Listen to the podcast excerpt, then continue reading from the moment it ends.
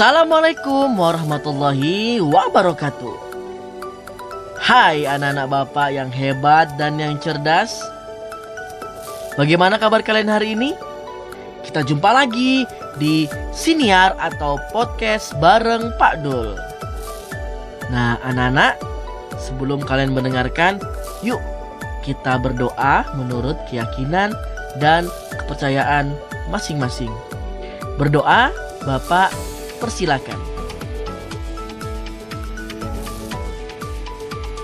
Anak-anak Bapak yang hebat dan cerdas, dalam podcast atau siniar kita kali ini kita akan membahas sebuah tema yang juga menarik nih. Apa itu? Kita akan belajar bagaimana sih caranya kita menentukan informasi baru yang kita dapat pada sebuah teks non fiksi. Nah, anak-anak membicarakan tentang mencari informasi, kita tidak akan bisa lepas loh sama yang namanya gagasan atau ide pokok. Apa sih gagasan atau ide pokok itu? Gagasan atau ide pokok adalah gagasan yang menjadi pokok pengembangan paragraf. Untuk menentukan ide pokok, kita perlu membaca keseluruhan teks bacaan dengan cermat Nah, anak-anak, berikut ini Bapak berikan ya tips menemukan gagasan pokok. Yang pertama, kalian baca dan cermati setiap kalimat di dalam paragraf. Kemudian yang kedua, kalian identifikasi ide atau kata benda atau subjek yang mendominasi paragraf tersebut. Artinya itu selalu sering diulang-ulang. Ya, pembahasannya. Kemudian yang ketiga, kalian tentukan satu kalimat mana yang paling cocok menjadi kalimat utamanya. Nah, kalimat utama ini anak-anak bisa kalian temukan di awal paragraf atau di akhir paragraf atau juga biasanya ada nih yang dia di tengah-tengah paragraf. Nah, yang keempat anak-anak, kalian temukan gagasan pokok dalam kalimat utama tersebut. Apa sih yang dibahas dalam kalimat itu dan pada keseluruhan paragraf.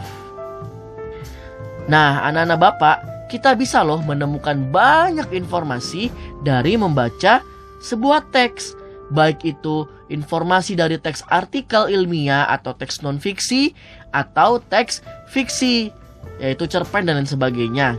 Nah, pada sebuah bacaan kita juga sering kan anak-anak menemukan kata-kata yang sulit yang belum kita tahu atau pahami artinya.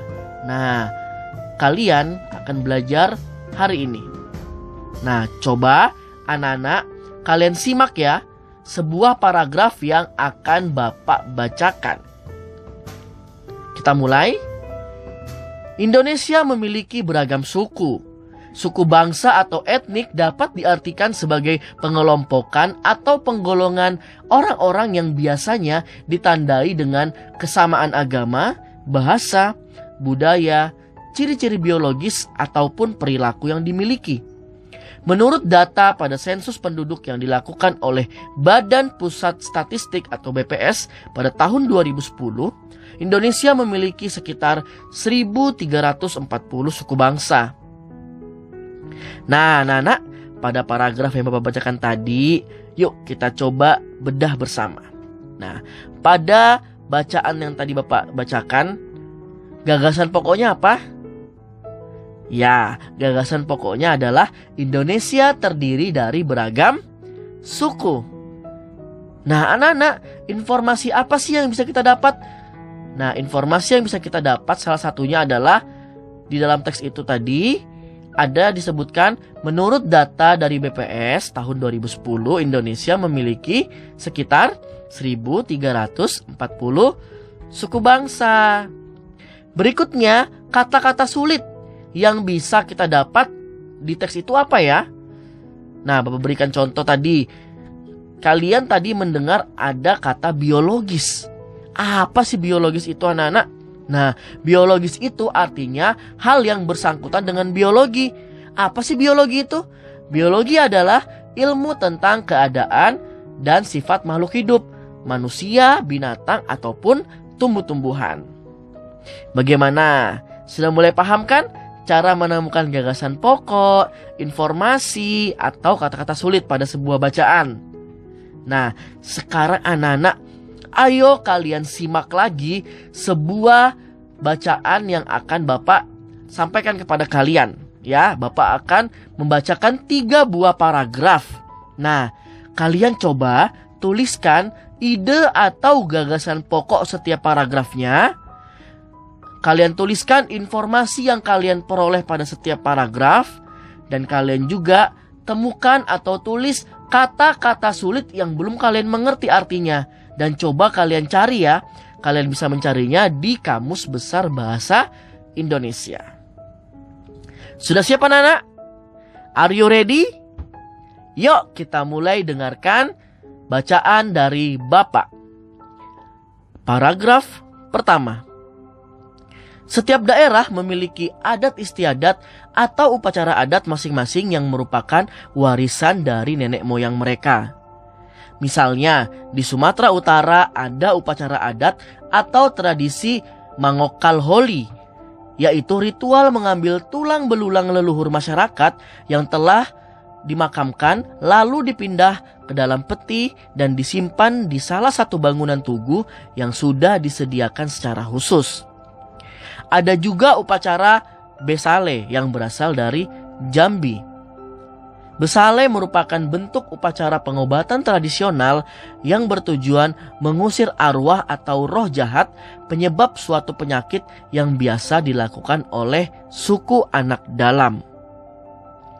Paragraf kedua, selain upacara adat, juga terdapat keragaman baik berupa pakaian adat, rumah adat, alat musik tradisional, dan lagu-lagu daerah serta masih banyak yang lainnya.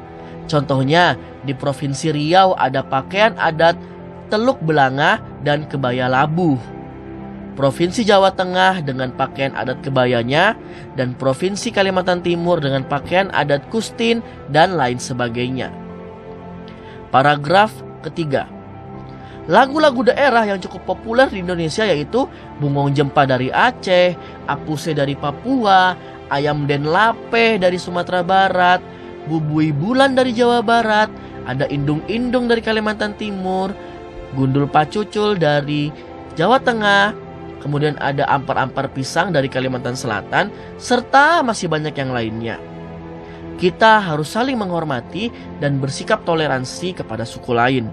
Dengan menghargai perbedaan, kita akan bisa hidup harmonis sebagai bangsa Indonesia. Bagaimana anak-anak?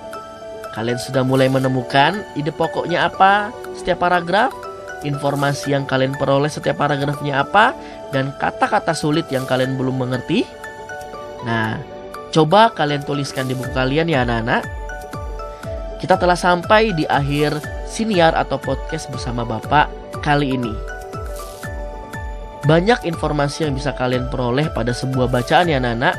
Intinya kalian harus rajin membaca dengan membaca, kalian akan menyerap banyak pengetahuan yang kalian inginkan, karena membaca adalah cara kita untuk mengenal dunia.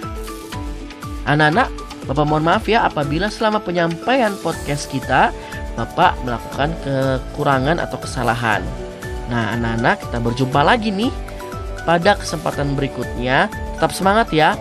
Bapak yakin kalian adalah anak-anak yang hebat dan cerdas. Terima kasih banyak. Assalamualaikum warahmatullahi wabarakatuh.